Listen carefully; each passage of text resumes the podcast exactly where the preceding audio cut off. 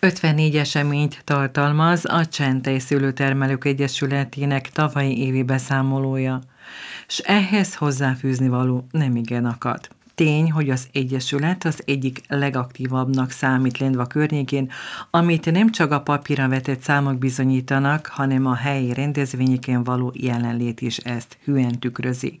Az Egyesület elnöke Farics Doris. Hát tudni kell, most nem tudnám satszolni a tagságnak az átlag életkorát, de ott szerintem ott 60 körül mozog, és azok, akik azt mondom, hogy az elnökségi tagokra tudok általában leginkább, legjobban számítani, az ők segítségét és a feleségeik segítségét szoktuk igénybe venni. Meg kell, hogy dicsérjem őket, nagyon szívesen jönnek. Persze utána van az a fáradtság, de az az a kellemes fáradtság, mert amikor látják, és utána a városban megdicsérnek bennünket, hogy Nati, aztán mindenhol ott vagytok, minden macskafarkán gombot köttök, ez azért úgy valahol jó elesik. És ez valójában egy elismerés is, és le a kalappal ahhoz képest, hogy 70, akár hány évesek valahányan, és kibírjanak egy-két napot, másik nap takarítani vissza, úgyhogy bírják, bírják. A közel 150 egyesületi tag ugyan nem jelent meg a közgyűlésen, de azok, akik fontosnak tartják ezt az eseményt is, oda voltak, akárcsak a meghívott vendégek is. Most már hagyományá vált, hogy az Egyesület tagjai éves összejövetelének egy részét szakmai dolgoknak szentelik.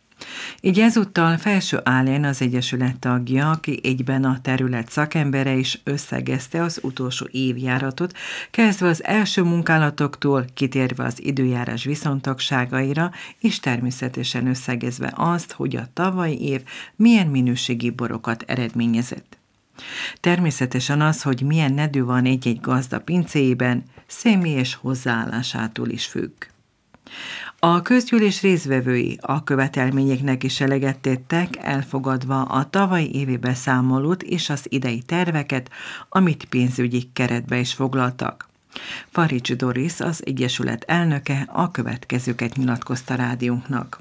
A közgyűlés elnöki beszámolójában valójában a 2018-as évben 54 eseményről számoltam be. Az azt jelenti, hogy nem minden a mi szervezésünk, ennek egy harmada, úgy mondom, de köszönhetően annak, hogy hívunk és várunk baráti egyesületeket is az anyaországból, azoknak meghívásával, illetve városunk rendezvényeivel együtt 54-re emelkedett ez a szám. Az évet általában a barászati kvízversennyel kezdjük Filócon, majd a februári hónapban közgyűlést szoktunk tartani, márciusban van a borbirálat ideje, akkor húsvét táján a bor és hímes tojás rendezvényen szokunk részt venni, aztán Szentgyörgy napján, ugye elnézést kihagytam még Balázs napját, ugye akkor van Muravidéken az első vesző vágása, ezt is most már hagyományát tettük Szentgyörgy napján, ami április 24-én van, akkor osszuk ki a borbirálat elismeréseit, és valójában akkor van az Egyesület ünnepe is. Később akkor Szent Orbán napja van, ugye,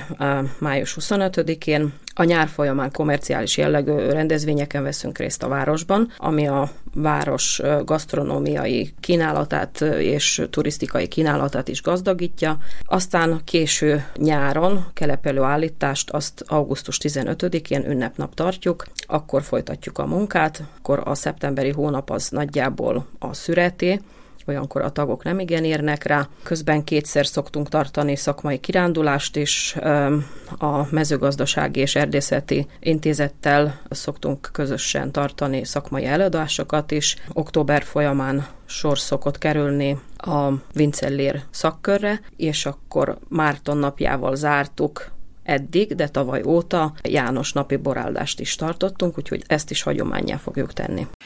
A Csentei Szőlőtermelek Egyesületének következő eseménye március 15-én esedékes, amikor az éves borbirálatot rendezik meg. Az Egyesület tevékenységéről bővebben a pénteki helyzetképben szólunk.